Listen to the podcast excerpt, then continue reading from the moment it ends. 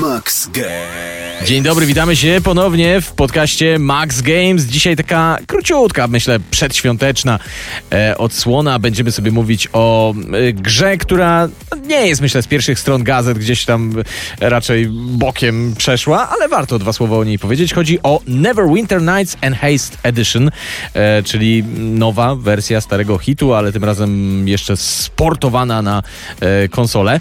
Poza tym dwa słowa też o, dosłownie dwa słowa e, o nowym dodatku do Anno 1800, The Passage.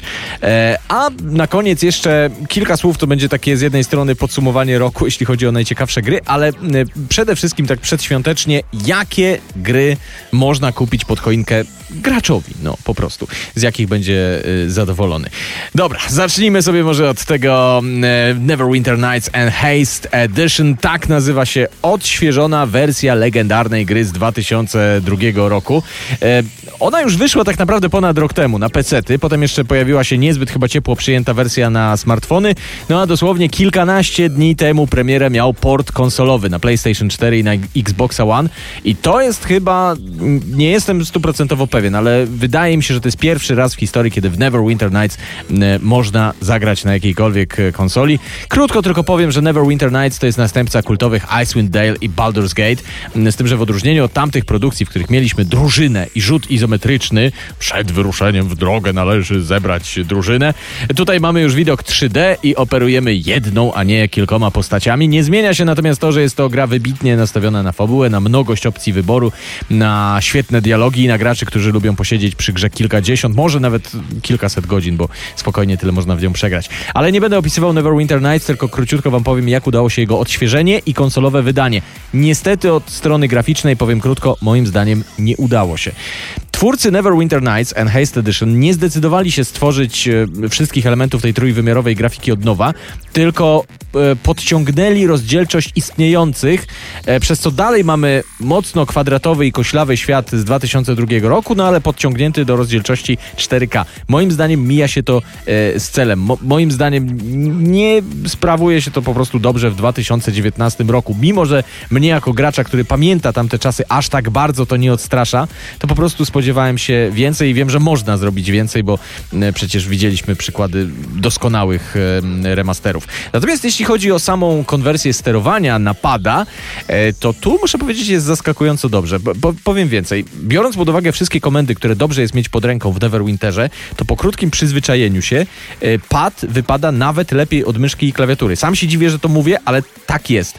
Mm, niestety twórcy, tutaj kolejny minus, nie, nie pokusili się o wy, wyeliminowanie różnych drobnych błędów, które co prawda nie uniemożliwiają gry, ale mocno irytują. I biorąc pod uwagę, że to jest trzecia wersja odświeżonej gry, a prototyp już prawie chyba półtora roku jest na rynku, no to słabo. E, a już tak podsumowując, to wydaje mi się, że Neverwinter Nights Enhanced Edition w takiej formie, w tym kształcie, w, przy tych graficznych e, możliwościach nie przyciągnie żadnych nowych graczy do tego wybitnego tytułu, ale może pozwoli tym, którzy grali w oryginał, zanurzyć się na chwilę w nostalgii. Ja mimo wszystko polecam, ale z takim zastrzeżeniem, że widziałem dużo, dużo, dużo lepsze remastery niż ten. Max Games. A teraz polecimy sobie dalej i e, obiecane dwa słowa o bardzo udanym dodatku do jeszcze bardziej udanej gry Anno 1800. Anno 1800 to jest moim zdaniem, ale chyba nie tylko moim, najlepsza w tym roku i być może najlepsza od wielu lat strategia ekonomiczna. E, przenosimy się tym razem do umu- umownej epoki wiktoriańskiej, stawiamy miasta, stawiamy kolonie, produkujemy, handlujemy. E, to wszystko w otoczeniu mm, całkiem udanej linii fabularnej. Samo w sobie Anno 1800 jest, no może nie idealne, bo wiadomo takich gier nie ma, ale na pewno jest bardzo, bardzo udanym tytułem, który zyskuje jeszcze z dodatkami. Mm, Właśnie kilka dni temu wydano trzecie i najprawdopodobniej już ostatnie duże rozszerzenie, The Passage, więc y, to jest też dobry moment, żeby podsumować y, poprzednie. E, W pierwszym z nich Zatopione Skarby nie mieliśmy żadnych może rewolucyjnych zmian. Kilka nowości było, jak na przykład ulepszanie i zwiększanie efektywności budynków e, za pomocą wynalazków, ale przede wszystkim wrażenie robiła nowa wyspa, trzykrotnie większa od największych wysp z podstawki, co e, dawało nowe, no gigantyczne możliwości rozbudowy. E, Przyjemny dodatek z nie niezłą linią fabularną, ale bez szału, nie, nie rzucał na kolana może. Kolejny to Botanika, który już niestety trochę rozczarował, bo w sumie stricte strategiczno-ekonomicznej roboty tam było niewiele. Budowaliśmy tytułowy ogród botaniczny, który tam ściągał nam turystów na naszą wyspę. Nawet moim zdaniem się to specjalnie nie, nie kleiło, jeżeli chodzi o konwencję. Jedyne co, to otrzymaliśmy kilka nowych, e, ciekawych budynków. Ale, jak widać, twórcy serii Anno najlepszy dodatek zostawili na koniec, bo The Passage z nawiązką rekompensuje niedostatki obu poprzednich. W The Passage ruszamy śladem zaginionej arktycznej ekspedycji, kolonizujemy obszar wiecznej zmarzliny, no i oczywiście kolonizacja zimnej, nieprzyjaznej Arktyki to jest zupełnie inna bajka niż zielone, przyjemne karaibskie wybrzeża. No więc jest po prostu trudniej. Każdy budynek musi być przemyślany, bo mamy na nie mało miejsca i mało surowców. No i również każda trasa handlowa musi być dobrze zaplanowana, no bo wyprawa statkiem do Arktyki to nie jest podróż tramwajem, dwa przystanki. E, dostajemy szereg nowych budynków, e, dostajemy nowe łańcuchy produkcyjne, bardzo fajną linię fabularną, chyba lepszą od tej z podstawki. E, no krótko mówiąc, The Passage jest dodatkiem w starym, dobrym stylu, takim, który nieomal mógłby robić za osobną grę. Wypełniony, treściwy, naprawdę bogaty w zawartość.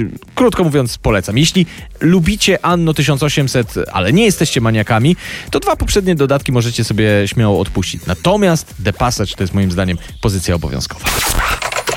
Max Games.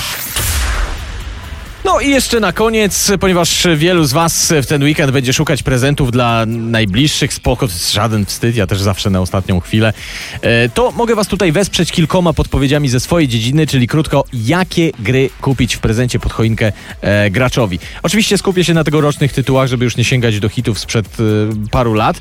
No i też oczywiście wszystko zależy od tego, co kto lubi. Jeśli na przykład szukamy prezentu dla miłośnika strategii, to ja od siebie mogę polecić albo Total War Three Kingdoms, świetną, rozbudowaną strategię osadzoną w starożytnych Chinach, albo y, no, to, o czym mówiłem przed chwileczką, czyli Anno 1800, y, najlepszą, powtórzę się, moim zdaniem, strategię ekonomiczną od kilku lat. Y, dla fana wyścigów zdecydowałbym się albo na rajdówkę Dirt Rally 2.0, albo niewiele gorszą, a pod pewnymi względami nawet chyba lepszą WRC 8. E, ewentualnie F1 2019, ale bolidami Formuły pierwszej nie każdy lubi się ścigać. E, co dla miłośnika gier sportowych? No pewnie to co zawsze, czyli albo FIFA 20, albo mniej popularny, ale moim zdaniem w tym roku lepszy e, PES 2020. Wiem, że to kontrowersyjna opinia, ale będę się jej trzymał. Albo Football Manager 2020, dzięki któremu możemy przejąć kontrolę nad dowolnym klubem na świecie. Jeśli z kolei nie piłką, ale koszem żyje osoba obdarowywana no to obowiązkowo NBA 2K20. No, to jest seria, która nie ma konkurencji po prostu, jeśli chodzi o koszykarskie gry. Mm, wszystkie pozostałe gry już wrzucę do jednego worka gier akcji, chociaż oczywiście wiele je y, różni, ale z hitów ostatnich miesięcy, które na pewno nikogo nie rozczarują, czy prawie na pewno, no to z czystym sumieniem mogę polecić Devil May Cry na przykład. Tu akcji na pewno nie będzie brakować, bo to jest typowa, taka przerysowana naparzanka w japońskim stylu.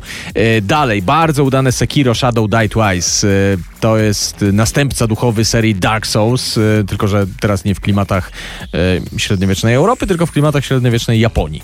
E, Metro Exodus e, to z kolei postapokaliptyczna strzelanka w półotwartym świecie z genialnym absolutnie klimatem za naszej e, wschodniej granicy.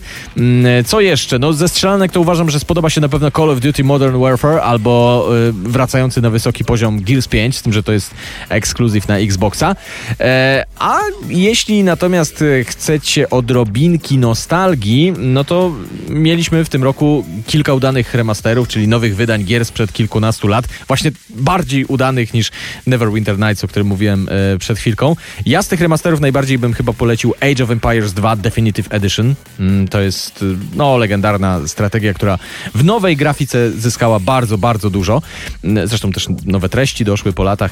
E, I jeszcze Resident Evil 2, e, horror też legendarny, też kilkunastoletni, który na odświeżeniu tylko i wyłącznie e, zyskał. A jeszcze inny sposób na gamingową nostalgię e, to jest cieszące się ostatnio sporą popularnością. E, nowe wersje starych konsol, z, tylko że już z, prawda, z prostszą obsługą, z wbudowanymi grami, podłączamy gramy, żadnych kartridży, żadnych, żadnych dyskietek, żadnych kaset.